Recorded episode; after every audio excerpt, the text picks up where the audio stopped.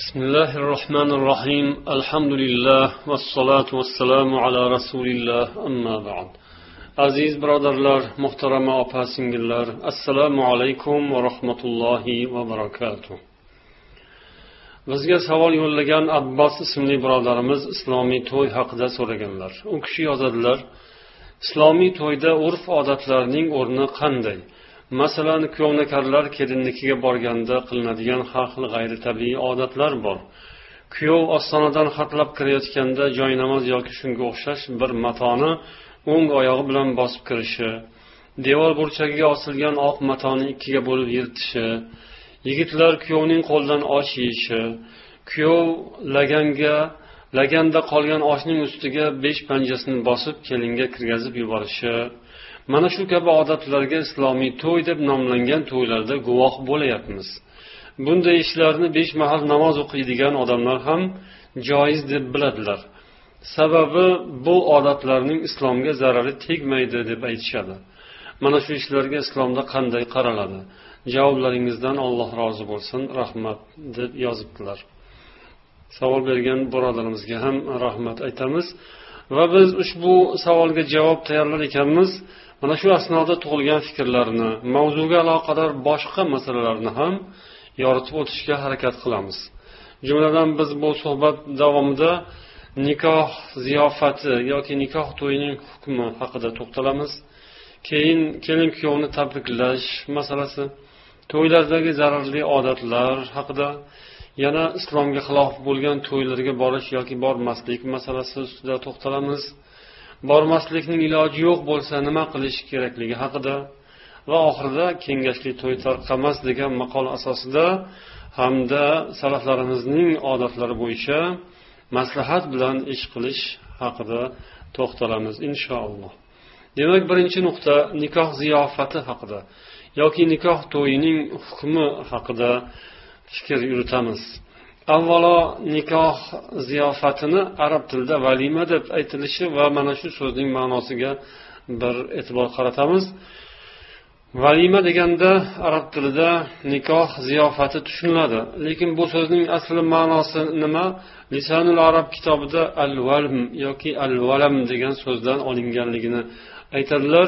Buning ma'nosi qayd qilish bog'lash degani bo'ladi. Yana bir olimning fikrlari bo'yicha al valima al valm bu jam dom qo'shish jamlash degan ma'nolarni bildiradi deydilar. Va yana lisanul arab sohibi aytadilar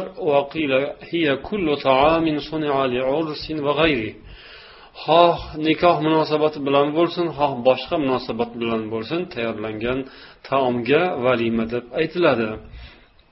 Har qanday yig'inga moslab yoki xoslab tayyorlangan taom ziyofatni valima deb aytilishi mumkin. Ammo bu so'z ko'proq nikoh munosabati bilan qo'shib zikr qilingani uchun bu keyinchalik nikoh to'yining ismi bo'lib qolgan. Valima deganda agar uni boshqa biror munosabatga bog'lamasdan o'zini mutlaq valima deb aytiladigan bo'lsa unda albatta nikoh to'yi tushuniladi. Buning hukmi nima? Payg'ambarimiz sollallohu alayhi vasallam abdurahmon bin avf uylangan paytlarida avlim bishatin deb aytgan ekanlar. Ya'ni bir qo'y so'yib bo'lsa ham to'y qilibgin to'y qilib bergin deb aytganlar. Mana shu so'zga ko'ra ba'zi ulamolar valima ya'ni nikoh ziyofatini berish nikoh to'yi uchun odamlarni chaqirib ularni mehmon qilish vojib deyishgan. Ammo bu ba'zi ulamolarning so'zlari aksar ulamolar jumhur ulamolar valima bu sunnatdir deydilar. Ya'ni qilsa savob bo'ladi qilmasa gunoh emas. To'y qilib bermasa gunoh deb aytilmaydi. Uylanganini yoki bir qiz turmushga chiqqanini e'lon qilib boshqalarga ma'lum qilib qo'yishning o'zi kifoya qiladi. Nikoh guvohlar asosida shariat qoidalariga muvofiq tarzda amalga oshgan bo'lsa to'y qilish ziyofat berish bu mustahab yoki sunnat amali sifatida bo'ladi. Bu ishni qilganlar albatta savobga ega bo'ladilar. Musulmonlarni yig'ib ularga ziyofat berish ularni izzat ikrom qilish olloh ato qilgan mana bu ne'matga bir shukrona tarzida yaxshi amal sifatida musulmonlarning yaxshi odatlari tarzida islom dinimizning shiorlaridan biri sifatida qadrlanadigan va bu targ'ib qilinadigan yaxshi amal. Valima demak ziyofat to'y nikoh munosabati bilan beriladigan ziyofat. O'zbek tilida endi buni biz nikoh to'yi deb aytamiz. Arab tilida valimatun nikoh deyiladi. Bu sunnat mustahab savobli amal. Ziyofat bir kunda bo'lib o'tgani yaxshi. Ya'ni to'y nikoh to'yi bir kunda bo'lib o'tgani yaxshi. Ammo ulamolar agar odamlar ko'p bo'lib sharoiti to'g'ri kelmasa valimani bir necha kun davomida qilsa ham bo'ladi. Zarurat taqozosiga ko'ra bir ikki uch kunda o'tkazsa joiz deganlar ham bo'lishgan. Ammo bu manmanlikka o'tib ketadigan bo'lsa o'zini ko'rsatish uchun yoki har xil urfu odatlarga rioya qilish uchun turli xil nomlar bilan har xil ziyofatlar to'yni oldidan keyinidan yana bir necha kun o'tgandan keyin mana shunday ziyofatlarni o'tkazaverish bu isrofgarchilikka manmanlikka o'tib qolishi mumkin. Agar inson dilida mana shunday narsalar o'tgan bo'lsa u savob emas gunoh bo'ladi. Ammo nikoh to'yi degan niyat bilan zarurat yuzasidan bir ikki kun davomida o'tkazishga majbur bo'lib qolsa bu joiz. Nikohga kelgan odamlar nikoh to'yiga ishtirok etish uchun kelgan odamlar kelin kuyovni albatta tabriklaydilar yaxshi niyatlarni izhor qilib chiroyli tilaklarni bildiradilar. Bu ham sunnat. Bu ham payg'ambar sollallohu alayhi vasallamning ishlarida odatlarida sunnatlarida aksini topgan yaxshi odat. Payg'ambar sollallohu alayhi vasallam yana o'sha yuqorida eslaganimiz voqea ya'ni abdurahmon bin avfni uchratganlarida u kishida e, shunday e, to'y alomatini ko'rdilar. Ya'ni xushbo'ylik e, ishlatganlarini ko'rib so'raganlarida bir ayolga uylanganlarini xabarini berdilar. Shunda payg'ambar sollallohu alayhi vasallam haligi yuqoridagi so'z bilan birga barakallohu laka avlim bishatin deb aytgan ekanlar. Alloh taolo senga barakot ato qilsin. Bir qo'y so'yib bo'lsa ham to'y qilgin dedilar. Imom buxoriy rivoyat qilgan hadislarida bu keladi. Yana imom termiziy va nasaiy ibn mojalar rivoyat qilishgan hadisda abu hurayra roziyallohu anhu aytadilar payg'ambar sollallohu alayhi vasallam bir inson uylangan paytda uni tabriklasalar aytardilarki barakallohu laka va baraka alayka va jamaa baynakuma fi xayr. Alloh taolo senga barakot nasib etsin sening ustingga barakot yog'dirsin va siz ikkingizni yaxshilikda jamlasin deb duo qiladilar mana shunday duoni musulmonlar bir birlariga aytishlari o'qishlari sunnat va savobli ish. Yana oysha roziyallohu anhu onamiz ham o'zlari haqida hikoya qilganlarida ya'ni o'zlarini payg'ambar sollallohu alayhi vasallamga turmushga chiqqan paytlarini eslaganlar o'shanda ansoriy ayollar oysha onamizni tayyorlaganlari va u kishiga alal xayr val baraka va ala xayr toir deb duo qilganlarini eslaydilar. Ya'ni yo'lingiz yaxshilik ustida bo'lsin barakot ustida bo'lsin hayotingiz va sizga baxtu saodat nasib bo'lsin degan ma'nolarda ular duo qilishgan. Endi to'ylardagi ba'zi bir odatlar xususida to'xtalsak. To'ylarda har bir millatda o'ziga xos jihatlarini ko'rasiz. O'ziga yarasha urfu odatlar qorishib ketadi to'ylarga aralashib ketadi. Ammo bu urfu odatlar ya'ni turli xil millatlarning o'zlariga yarasha urfu odatlari biror bir ma'noga dalolat qiladi. Ba'zan u ma'no yaxshi ijobiy bo'ladi ba'zan esa unga nazar solsangiz uning ildizi shirkka borib taqaladi bir e, noxush mazmunlarni noqulay noo'rin ma'nolarni ifodalaydi. Ba'zan esa umuman ma'no kasb etmaydi. Biror bir mazmun ma'nosi yo'q bema'ni behuda ishlarni ham ba'zi odamlar odat qilib oladilar va uni majburiy tarzda amalga oshirib keladilar. Urf odatlar agar aslida islomga xilof kelmasa va inson hayotiga zarar keltirmasa ularga amal qilinaveradi biroq ko'pgina urf odatlar insonlarning molu dunyosiga diniga axloqiga e'tiqodiga zarar bo'ladi. Bunday ishlardan uzoq bo'lish lozim. Ana shunday zararli urf odatlardan quyidagilarni eslashimiz mumkin. Masalan birinchisi sarpo surpolarni ko'paytirish uy jihozlashda uyni jihozlashda manmanlikka berilish.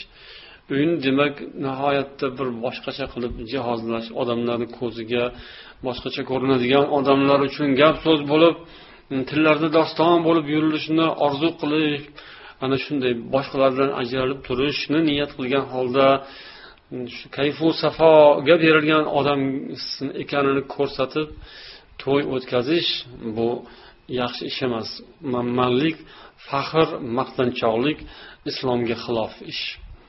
Ikkinchisi chaqiriladigan odamlarni ham ataylabdan haddan ziyoda ko'paytirib falonchining to'yiga falon yuz yo falon ming odam keldi degan narsa tarqalishini istab mana shunday maqsad bilan demak odamni haddan ziyoda ataylabdan ko'p aytish uchinchi mana shunday noto'g'ri ishlardan erkak ayol aralash quralash to'yda ishtirok etishlari harom va munkar ishlar to'yda sodir etilishi. To'rtinchisi to'yning biror bir ma'naviy ruhiy ozuqasiz o'tishi. Kelin kuyovga va yig'ilganlarga nasihat amr ma'ruf chiroyli so'zlar bo'lmasdan o'tishi. Bu ham inson umrining zavoli. O'sha yerda demak bir behuda ishlar bilan umr o'tgan vaqtingiz umringizning bir qismi o'tgan bo'lsa bu ham yaxshi emas. Beshinchisi to'yga tayyorlangan mm, nikoh ziyofati uchun tayyorlangan taomlarning turli tuman har xil bo'lishi sonini ko'payishi bu ham odamlarga ko'rsatish uchun manmansirash uchun qilingan ishlar bo'ladi va bu isrof ham bo'ladi. Demak bundan savob bo'lmaydi. Oltinchi nuqta to'yni vaqtini nihoyatda cho'zib yuborish. Mehmonlar kelgandan keyin ularni uzoq vaqt ushlab o'tirish. Ovqatlarni orasini uzoq vaqt cho'zib cho'zib mm, yoki kechasi tunning yarmigacha to'yni cho'zib davom ettirish. Bu ham insonlarni vaqtini o'g'irlash bo'ladi va bu islomga xilof ishlardan. Yettinchisi to'ydan oldingi va keyingi har xil ortiqcha marosimlarni ko'pligi turli xil nomlari bilan marosimlarni to'y boshlangunga qadar ham necha marta bordi keldi. Ziyofat mehmondorchilik uni u yoqqa jo'natgan buni bu yoqqa olgan va bularni ortidan keyin mana shu ishlarning ortidan har xil har xil gap so'zlar g'iybatlar yoki kelishmovchiliklar nizolar man falon narsa qildim u qilmadi. U mm, mana ishini chala qildi hurmatimizni joyiga qo'ymadi bizni qudadek sifat quda sifatida ko'rmadi degan gap so'zlar mana shu urf odatlar. Ya'ni qo'shimcha ortiqcha mm, sarfu xarajatlar behuda urfu odatlarga yopishib olishning oqibatidan kelib chiqadi. Endi savolda aytilgan ishlarga ham to'xtab o'tishimiz mumkin. Masalan bu kishi yozganlaridek oq matoni yirtish bu nimani anglatadi? Biror bir ma'no ko'rinmaydi bu yerdan. Isrofgarchilik va behuda bir bema'ni ishga o'xshaydi bu. Yoki kuyovning qo'lidan osh yeyish bunda nima ma'no bor? Agar shundan biror yaxshilik umid qilinsa ya'ni kuyov bo'lish niyat qilinayotgan bo'lsa bu islom buyurmagan yo'l bilan maqsadga intilish bo'ladi. Olloh va payg'ambar inson uchun dunyoda nimaiki yaxshilik bo'lsa hammasini yo'lini ko'rsatishgan va unga erishish e, uslublarini e, sabablarini o'rgatishgan va shunga buyurishgan. Bu kuyovni qo'lidan osh yeyish hech qaysi kitobda yoki biror bir e, biror bir dinda biror bir mazhabda biza ko'rmadik bilmadik. Bu narsa bir ma'nosi yo'q. Bundan bir yaxshilik biror bir maqsad hosil bo'ladi biror bir maqsadning vositasi bu deb tushunish qiyin. Kuyovni qo'lidan osh yesa tezda kuyov bo'ladi degan e'tiqodga ishonsa bu xurofot bu bidatdan boshqa narsa emas. Laganda qolgan oshning ustiga besh panjasini bostirib keyin kelinga kirgizib yuborish bu tarbiyasiz insonni ishi. Ovqat bu ollohning ne'mati. Uni ustiga bunday qo'lini bosib ezib qo'yish olloh yaratgan ne'matni kamsitish o'yin qilish bo'ladi. Yoki agar mana shu qo'l bilan ezg'ilangan oshni kelin yesin deyayotgan bo'lsa u kelinni kamsitish bo'ladi. U qizni kamsitish bo'ladi.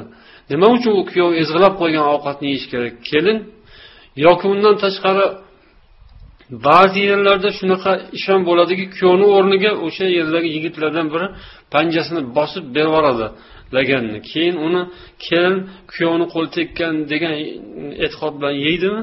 Bu qanaqa bema'nilik? Xullas bu odatlar islomga muvofiq kelmaydi. Buni boshqa xalqlar ko'rsa ham hayron bo'lishi mumkin. Nima uchun shunaqa qilasizlar desa hech bir inson tushuntirib bera olmasa kerak. O'sha o'zini aqlli deb biladigan yigitlar yoki to'y o'tkazayotgan odamlar yoki o'sha aqlli bo'lgan ayollar uyini chetiga oq matoni ochib qo'yib uni kuyov bola kelib yirtadi degan ayollar boshqa bir millat boshqa bir mehmon bo'lib kelsa bir millat bir qavm bir boshqa xalqdan bu nima qilganinglar? Qiziq odatinglar bor ekan bizga tushuntiringlar. Yaxshisi bo'lsa olaylik biz ham o'rganaylik deb so'rasa nima deb javob berishadi? Nima deb buni sharhlash mumkin? Bu biror bir ma'nosi ko'rinmagan behuda bema'ni ish. Demak bunday narsalardan uzoq bo'lish kerak.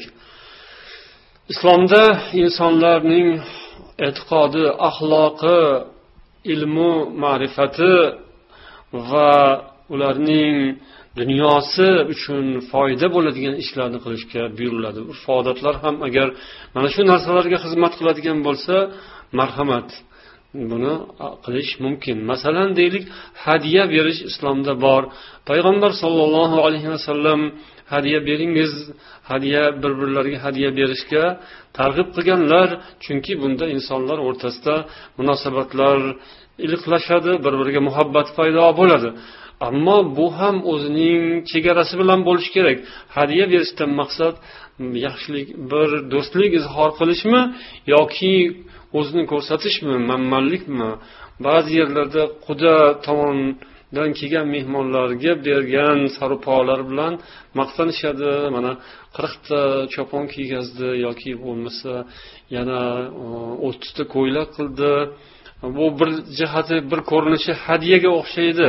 Hadya degan niqob ostida qilinadigan manmanlik bu molparastlik bu yoki e, kelgan mehmonni hurmatini bajo qilish kerak islomda mehmonni hurmat qilish kerak degan davo bilan shior bilan ba'zi noto'g'ri ishlarni qilish ya'ni yetti xil sakkiz xil ovqat. Endi bu sakkiz xil ovqat bilan insonning hurmati oshadimi? Agar o'sha sakkiz xil emas olti xil bo'lib qolsa demak hurmat qilmagan bo'ladimi? Unda o'sha kelgan mehmonning narxi qadri sakkiz xil ovqat bilan o'lchanadimi? Bu to'g'ri kelmaydigan ish. Insonning qadri uning hurmati faqat ovqat bilan degan tushuncha ovqat bilan hurmat qilinadi. Bu noto'g'ri bo'lib qoladi. Bir xil ovqat bo'lsa ham chiroyli mm, mazali qilib pokiza qilib tayyorlansa kelgan mehmon ham mana shu narsaga rozi bo'lishi kerak bo'ladi. Agar mo'min musulmon bo'lsa inson ochko'z bo'lmasa badnafs bo'lmasa ovqat bandasi bo'lmasa uyingizda o'tirganingizda ham bir xil ovqat yeysiz. Mehmon kelsa xayr sal chiroyliroq bo'ladi. Siz ham mehmonga borganingizda xuddi o'shanday narsadan ortiq ortiq. Endi to'ylarda turli xil urf odatlar zararli e, ishlar bo'lar ekan to'ylarga qatnashish masalasiga to'xtalsak. Islomga xilof bo'lgan to'ylarga borish masalasi qanday bo'ladi? U to'ylarda qilinayotgan ishlarni biz ikki xil guruhga borishimiz mumkin ya'ni munkar ishlarni qaytarilgan zararli urf odatlarni ikki qismga bo'lishimiz mumkin. Foydalilari haqida gap ketmayapti. Zararlilari ko'pincha mm, ana shunday tortishuvlarga nizolarga kelishmovchiliklarga sabab bo'ladi. Shuning uchun o'sha munkar ishlar zararli urf odatlarni ikki xil qismga bo'lib tanishimiz mumkin bo'ladi. Birinchi qismi harom bo'lgan mutlaq harom bo'lgan ishlar. Deylik aroq yoki boshqa erkaku ayol aralash quralash behayo to'ylar. Bu narsa harom. Haromligida e, shubha yo'q nizo yo'q. Ikkinchi xil e, ikkinchi xil munkar ishlar makruh deb aytilishi mumkin. Makruh haromdan ko'ra darajasi berroq pastroq. Uning hukmi sal yengilroq lekin yoqimsiz karih ko'riladigan ishlar makruh deyiladi. Bilib bilmay bir ikki marta qilsa gunoh deyilmaydi ammo doimiy ravishda odatga aylantirib olsa gunoh sanaladigan ishlarni makruh deyiladi makruhlarni ham ikki xil bo'ladi makruh tanzihiy makruh tahrimiy ya'ni halolga mubohga yaqin makruh haromga yaqin makruh demak makruh tahrimiysi qattiqroq zarari ko'proq zarari ko'rinib turgan aniqroq bo'lib qolgan ishlar makruhi tahrimiy ulardan voz kechish kerak. Makruh tanzihiy esa halolga mubohga yaqin bo'lgan ishlar. Endi to'ylarda qilinadigan urf odatlarning aksariyati mana shunday makruh ishlar qatoriga kiradi. Ya'ni yoqimsiz narsa. Haligida yuqorida savolda aytilganday ishlar demak makruh amallar deyish mumkin. Ya'ni buning bir ma'nosi yo'q. Undan bir foyda yo'q. Insonning na hayotiga diniga va na dunyosiga foyda yo'q ishlar. Ularni endi aroq sifatida qimor sifatida to'g'in go'shti sifatida ko'rilmasa ham ya'ni qat'iy harom ish sifatida ko'rilmasa ham lekin bu ishlarning foydasi yo'q ortiqcha ishlar bo'lgani uchun hatto ba'zan shu janjallarga nizolarga sabab bo'lgani uchun demak u narsalardan voz kechish kerak ularni inson o'zidan yiroq tutish kerak.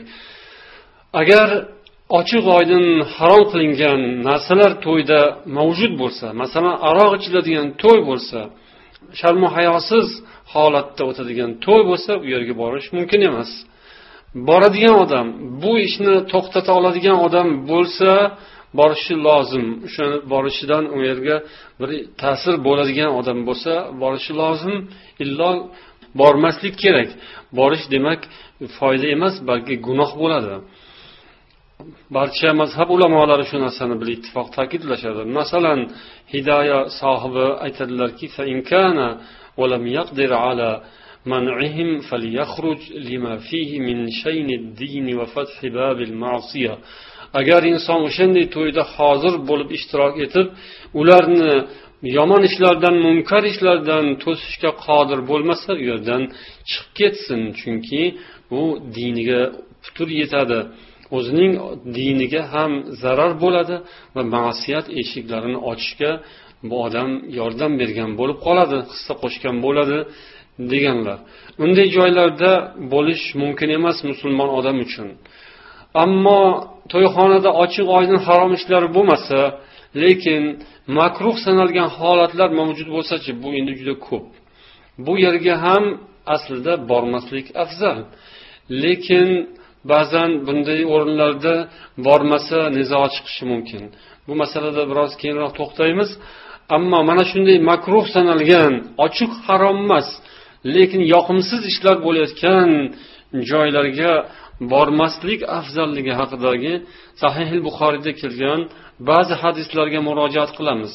Imom buxoriy bab hal yarji'u idza ra'a munkaran fid da'wa degan bob ochganlar kitoblarida ya'ni biror yerga taklif qilingan odam o'sha yerda bir munkar ishni ko'rsa orqasiga qaytib ketadimi degan sarlavha ostidagi bob.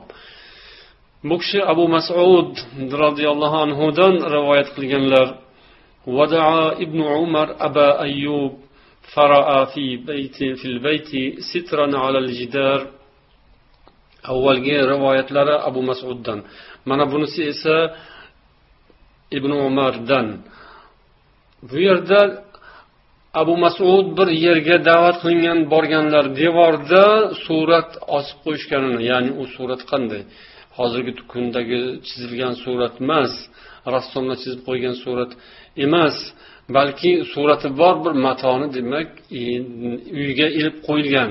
Shuni ko'rganlar bir matoni devorga yoyib qo'yishgan uyga ilib qo'yishgan shuni ko'rib u yerga kirmasdan qaytib ketganlar. Yana u kishining imom buxoriyni rivoyatlarida keladi. Umar aba ayyub faraa fil bayti sitran alal jidar. Abdulloh ibn umar abu ayyubni uylariga taklif qildilar. U kishi kelib qarasalar ya'ni abu ayyub kelsalar devorga parda tutib qo'yilgan ekan parda yopib qo'yilgan ekan. Shunda faqol ibn umar ibn umar bu kishidan hijolat bo'ldilar. nazarlari tushganini sezdilar bildilar bu ish yoqimsiz noto'g'ri ish ekanini abdulloh ibn umarning uylarida shunday bo'lyapti bu kishi aytdilar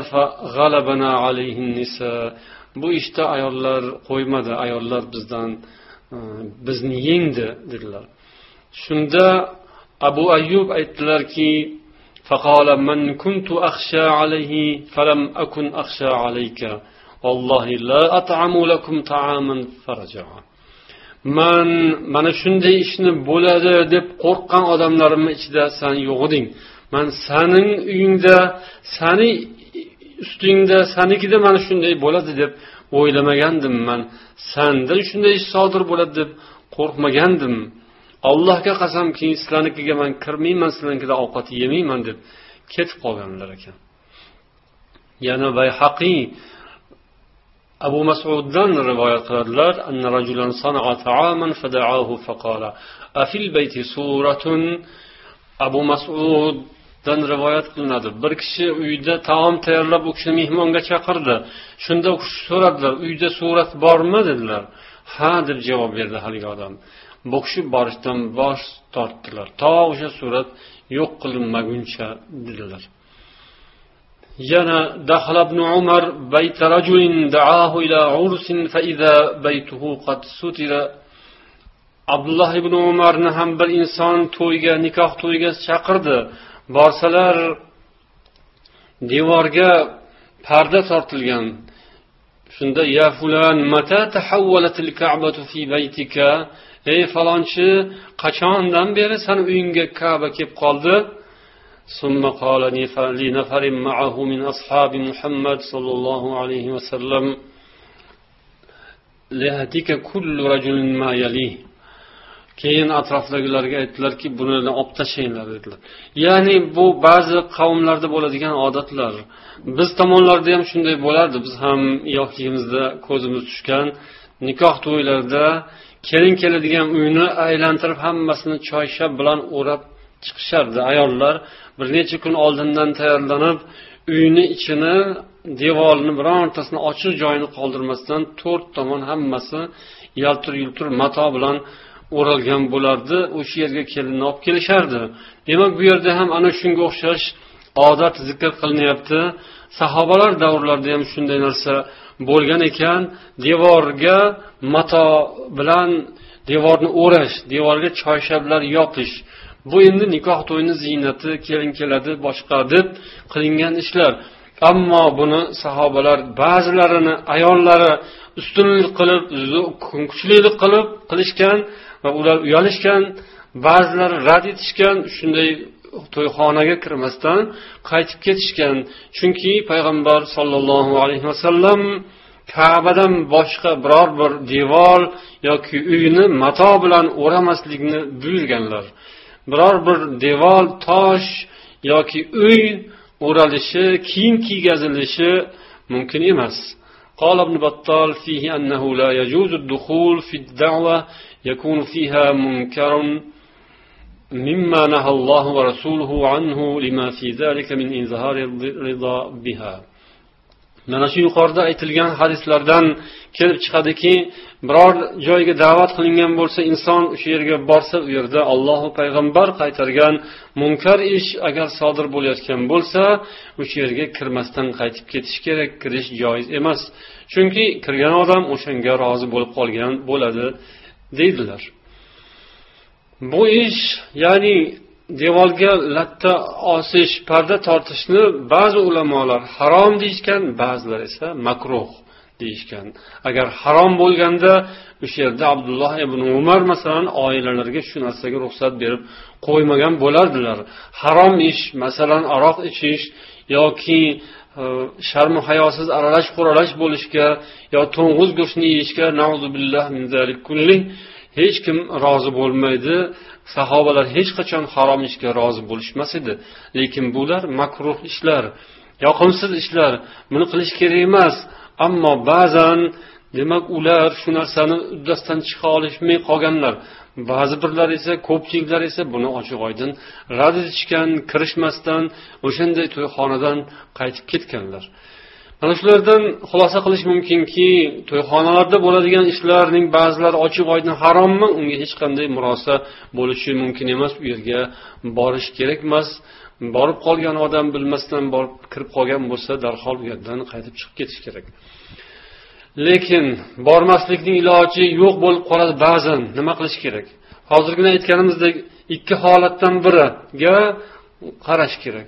O'sha borishingizga monelik qilayotgan narsa qaysi holat? Birinchisi ya'ni qat'iy harom ishlar bormi? U yerga demak borish mumkin emas hech qanday holatda. Ammo makruh ishlar bo'layotgan bo'lsa endi sizni borishga da'vat qilishadi qarindosh urug'chilik qo'shnichilik ota ona ba'zan tushunmasligi mumkin.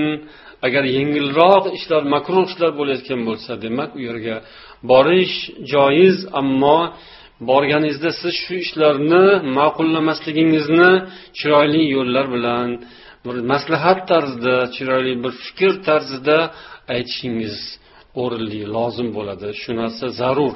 Ya'ni amr ma'ruf qilib ularga bir maslahat nasihat qilish kerak bo'ladi munkar ishni odamlardan uzoqlashtirishga. Shundan insonlarni qaytarishga harakat qilish lozim. Agar nasihatkor qilmasachi o'sha yerda siz gapirsangiz nizo chiqishidan qo'rqsangiz qatnashmasangiz yana nizo chiqadigan bo'lsa demak siz ma'zur bo'lasiz vallohu alam. Ammo siz o'zingizni shu ishlarni ma'qullamasligingizni o'rni bilan bildirishingizni esingizdan chiqarishingiz kerak emas ko'pgina noto'g'ri ishlar sabr bilan uzoq muddatli nasihatlar bilan to'g'rilanadi. O'sha yerga borib o'sha ishni ustida mm, qattiq qattiq gapirib tez tez bartaraf qilishga harakat qilish bu ba'zi odamlarga yarashadi ba'zi odamlardan shu lozim ba'zi odamlarga esa bu narsa mumkin emas. Har kim o'zining toqati yetadigan ishni qilishi kerak o'zining doirasi vakolat doirasida harakat qilish kerak bo'ladi. Siz yoshingiz kattaroq bo'lsa obro'yingiz yoki kattaroq bo'lsa ta'sirli odam bo'lsangiz qayerga borsangiz ham u yerdagi biror bir munkar ishni ko'rsangiz mana bu noto'g'ri buni qilmanglar deb aytishni yo'lini bilasiz va sizning so'zingizni hech kim malol olmaydi. Siz ana shunday quvvatga kuchga ega bo'lib turib aytmasangiz demak siz gunohkor bo'lasiz. Siz vazifangizni bajarmagan bo'lasiz o'zingizning zimmangizdagi boshqalarning haqqini ado qilmagan bo'lasiz.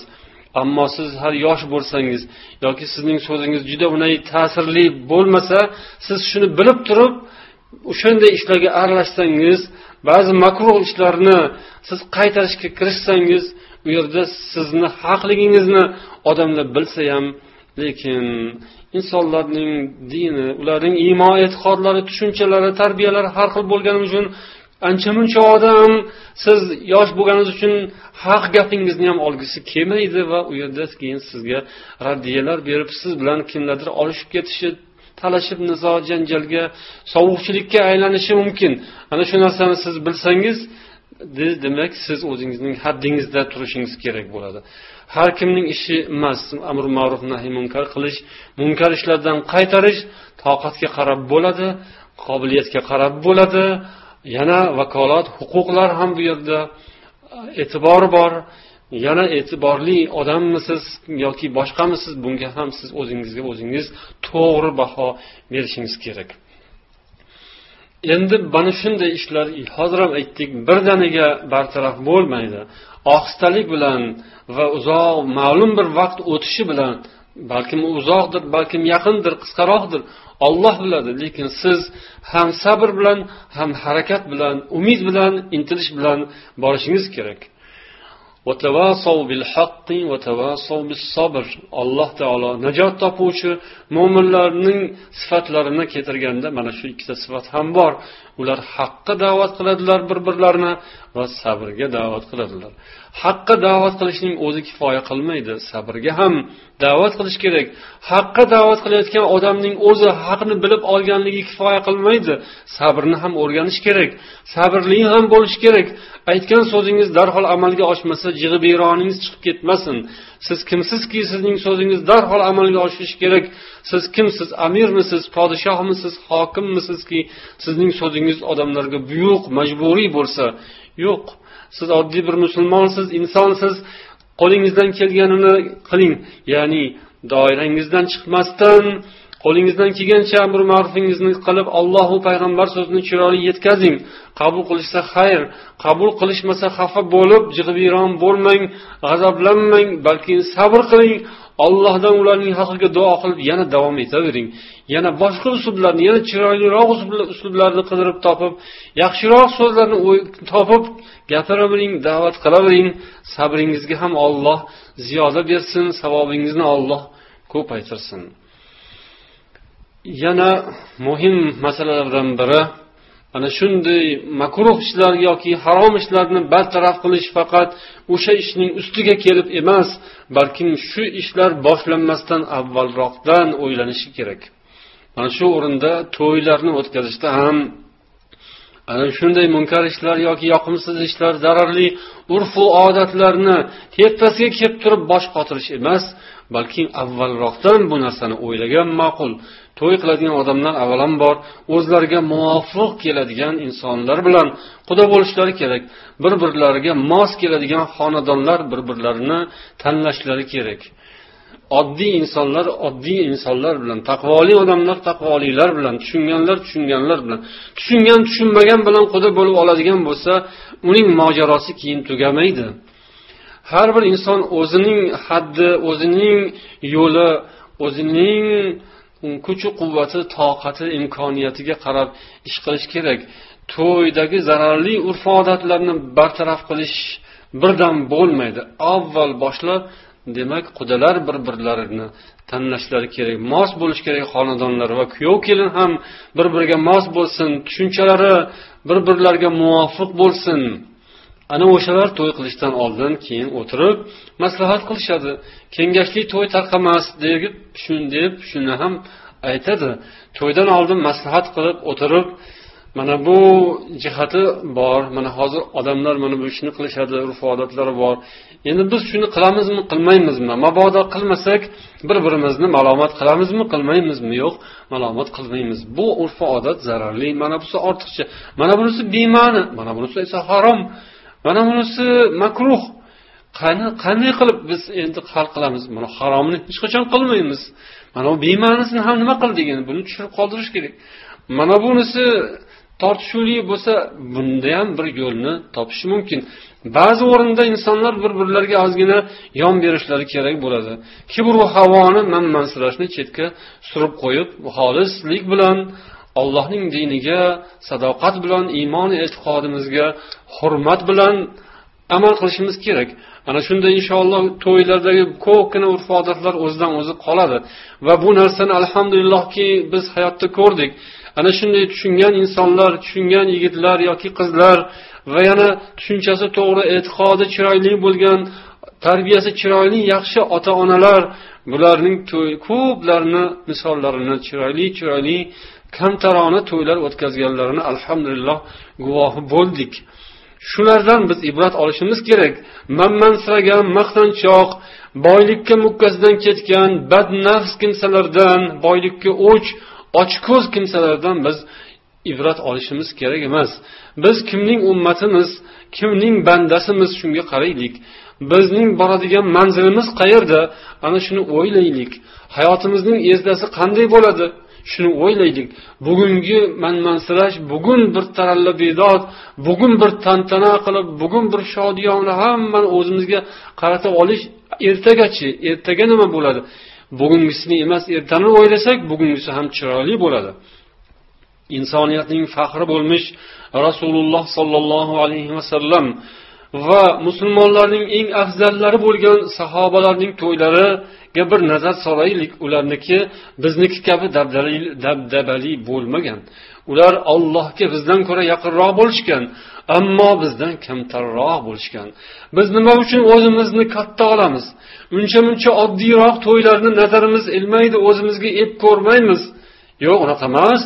Biz unaqa emasmiz desak unda nima uchun osoddaroq hayot kechirishga oddiyroq to'ylar qilishga rozi bo'lolmaymiz behuda urfu odatlarimizni nima uchun tashlay olmaymiz? Rasulullohdek zot eng yaxshi ko'rgan qizlari fotima onamizni qanday uzatganlar? U qanday to'y qilib berganlar fotima onamizga? Bayhaqiy rivoyat qiladilar. Payg'ambarimiz sollallohu alayhi vasallam qizlarini fotima roziyallohu anhoni uzatganlarida bir dona to'shak bitta suv soladigan mish bir yostiq bilan u kishini uzatdilar. Uylarida soladigan gilamlari bo'lmagan yumshoq yumshoq divonlari bo'lmagan yoki qator qator chinniyu boshqa kosayu laganlari shunday bir idish tovoqlari qator qator hammasi muhayyo bo'lmagan. Ali roziyallohu anhu ham jangda ishlatadigan bir dona sovutlardan boshqa hech nimalari yo'q edi. Ana shu sovutni sotib to'yga tayyorgarlik ko'rganlar. Biz ana o'shalardan ibrat olishimiz kerak. Falonchi qizga mana buncha narsalarni qildi. Faloncha ko'ylak faloncha tufli falonchi o'ylanganda mana bunaqa to'y qildi degan kimdir havas bilan kimdir shunga havas qiladi havas bilan tilga oladigan odamlar ular kimlar o'zi? Bizlar o'shanga havas qilishga arziydigan odammi ular? Olloh huzurida ularning e'tibori qanaqa ekan ularning bu dunyodagi to'ylari sizga yoqayotgan bo'lsa oxiratdagi ahvoli ham yoqarmikin sizga hali? Billah. Alloh taolo bizga bunaqa o'zini boylikka uradigan yaltir yultir bilan qadrini oshiradigan va yaltir yultirlab yashayotgan odamlarga havas bilan qaraydiganlardan qilmasin. Alloh bizni ham farzandlarimizni ham birodarlarimizni ham kamtarlikka soddalikka halollikka o'rgatsin. Oxirati uchun hayot kechiradigan oxiratni obod qilishga ko'proq e'tibor beradigan odamlar bo'laylik. Ana o'shanda dunyomiz ham obod bo'ladi. Kimki bu dunyosini faqat dunyosini obod qilish uchun dunyosini yaltir yultirlar bilan to'lg'azish uchun harakat qiladigan bo'lsa uning dunyosi ham xarob oxirati ham xarob bo'lib qolishi mumkin. Min zalik.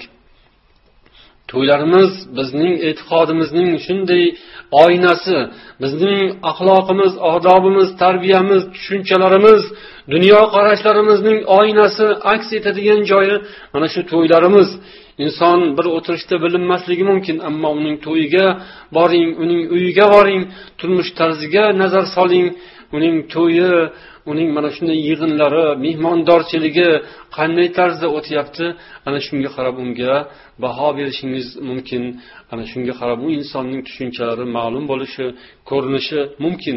Alloh barchamizni ana shu chiroyli hayot kechirishga o'zi muvaffaq aylasin.